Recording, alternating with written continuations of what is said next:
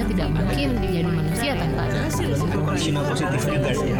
Racism, atheism, atheism, ada yang Manusia adalah individu yang selfish.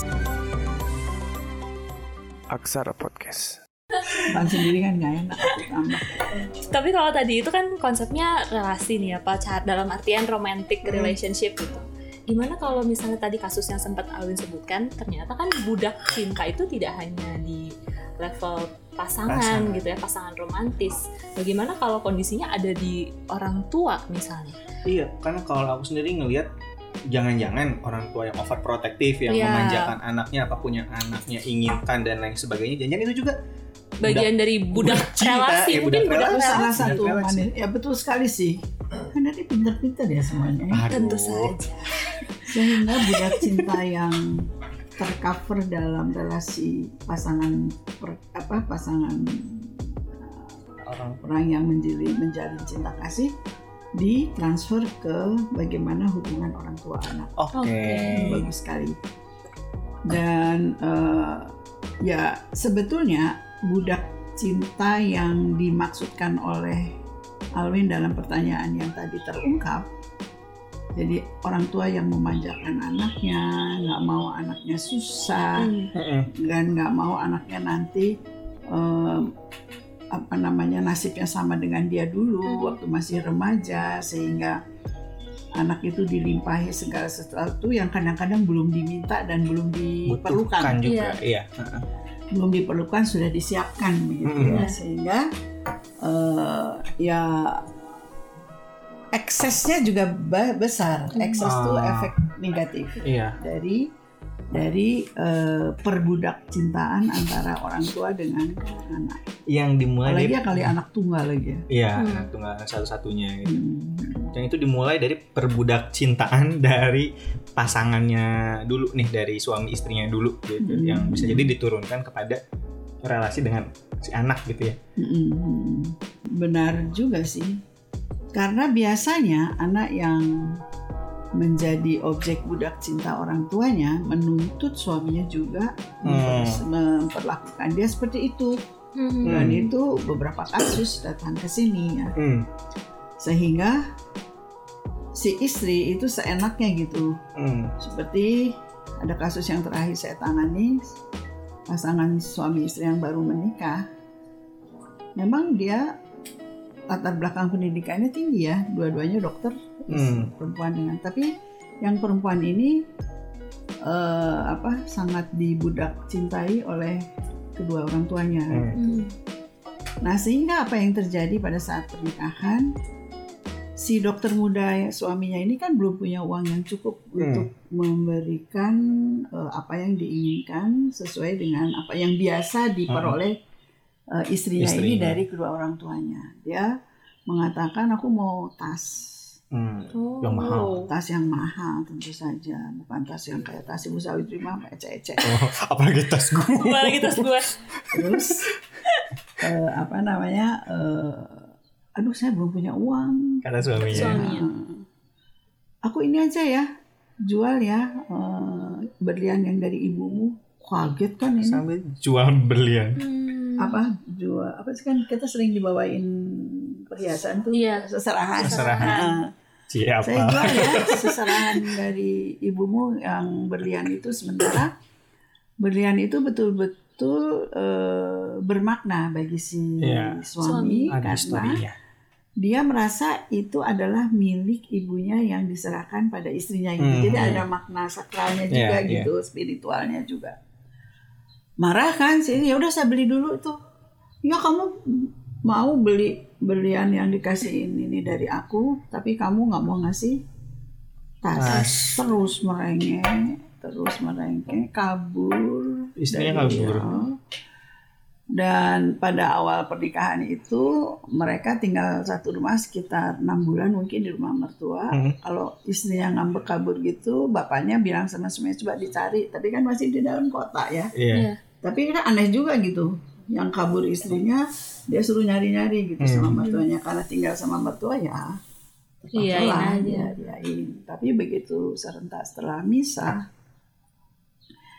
eh, nggak mungkin kan nah sehingga akhirnya si suami ini benar-benar berniat untuk bercerai gitu ya udah nggak tahan karena Hmm. setiap kali ada tuntutan yang dia nggak bisa penuhi si istri em, mengancam. Ngancam. kalau gitu saya cerai aja saya cerai aja.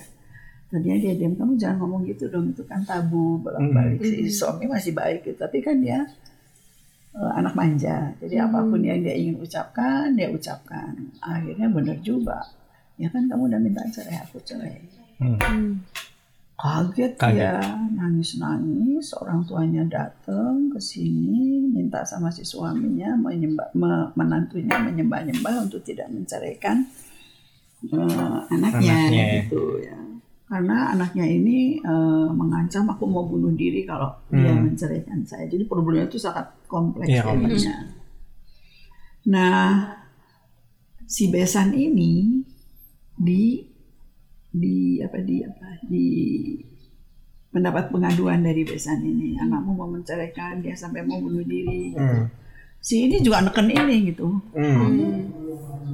Eh, bagaimana kamu bisa menjadi laki-laki bertanggung jawab kalau mendidik istri saja tidak bisa Hmm. satu mertuanya juga ngomong gitu Hmm. nah bapak di sini kan rasional nih dokter pelajar gitu saya baru enam bulan pak. Bapak yang 23 tahun ngapain mengasuh anaknya gimana? Gitu. Gitu pak kompleks bagus kan? Kalau Iya. menurut saya sih Iya. bagus. Jadi memberikan insight. Memberikan pemantik biar keluarganya Pemantik, mikir. biar mikir. terus dia terus dapat serangan dari mana-mana nggak boleh menceraikan Hmm. masa mendidik istri aja nggak bisa. Nggak bisa. gimana kamu mendidik masyarakat sebagai dokter dan sebagainya itu nah tapi tetap dia bertahan ya terus terang saya pasti saya akan melakukan eh, assessment Mhm. clinical assessment Mhm. you know Mhm. Maka datanglah ke sekolah Bagaimana? untuk tahu seperti apa clinical assessment itu. Saya melakukan pemeriksaan psikologi dengan pendekatan clinical psychology karena I'm clinical psychologist and popular And very mahal. Very mahal. expensive And beautiful. and beautiful. Masuk nggak tuh? Enggak apa-apa bu. Nggak kok bercanda. Teman-teman sekalian, Perbaikan citra diri. Aduh ya Allah.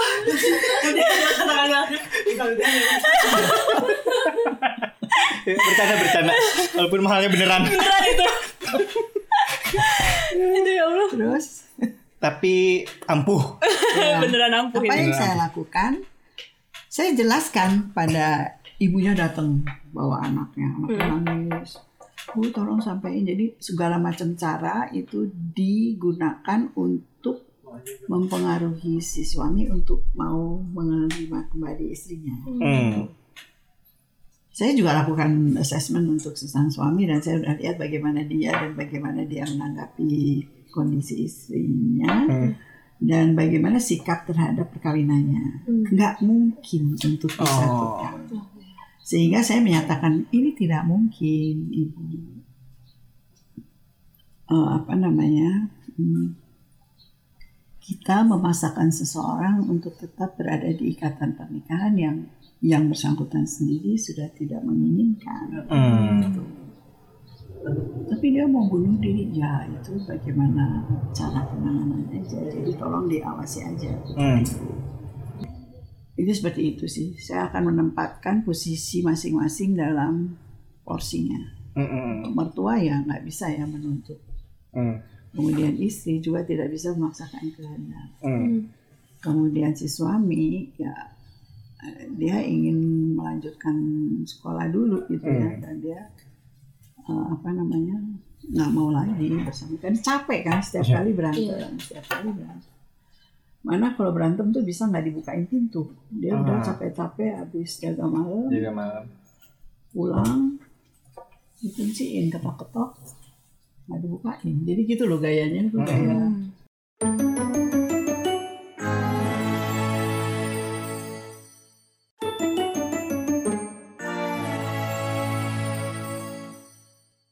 Nah ini kalau kekanakan terus kan berangkat dari eh, apa namanya over indulgence ya yang Iya. dilakukan oleh orang, orang tua di tuanya, masa Hmm.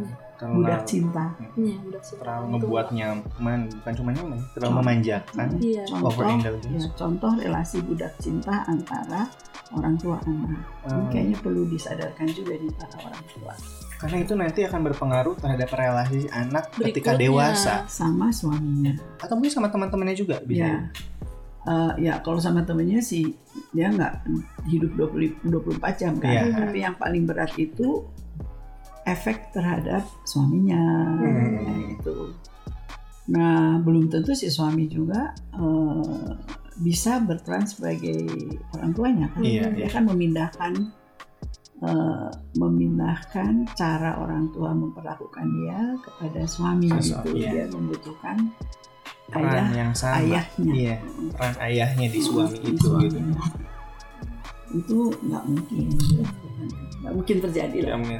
Ya, karena beda juga kan pola Mm-mm. asuhnya dan lain Dan sebagainya dia itu budak cinta juga itu Perlu nggak sih Bu di awal katakanlah itu suatu circle ya dari Hmm. budak cintanya orang tua lalu eh, ke masa perkembangan berikutnya dia menikah lalu menjadi budak cinta juga oleh istri atau suaminya lalu mungkin dia memperlakukan anaknya lagi seperti halnya si nenek memperlakukan dia dulu jadi suatu circle yang sebenarnya eh, main budak-budakan akhirnya itu ya seumur hidupnya bisa tidak pattern itu Ya. pattern Pattern. apa pola iya Ah, ada pola Betul.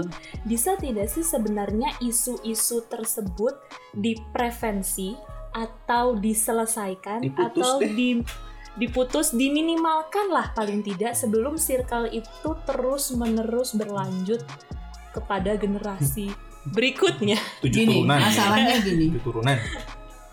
Pola asuh itu so- gini. Pola asuh itu seperti halnya hal yang sifatnya herediter keturunan. Hmm. kelihatannya tapi sebenarnya nggak nggak keturunan. Hmm. lebih ke imitation Hmm. jadi Mengikuti. kita tanpa sadar mengimitasi pola asuh orang tua kita Mhm. dalam memberikan pola asuh kepada anak kita. Mhm. itu imitation ya imitation yang berlanjut itu menjadi habit kan iya Iya. ya habit yang berlanjut itu akan menjadi karakter Karakter. Mhm. karakter pola asuh yang diterapkan pada anak-anak berikutnya gitu. Dan Hmm. itu akan berlanjut terus. Nah bagaimana memutusnya? Belajar ke psikologi dulu fakultas psikologi. Konsultasi sama Bu Sawitri. No, no, nggak usah oh, sama psikolog Sama Anissa. Anis, ada Nisa psikolog Anissa. Uh, yang murah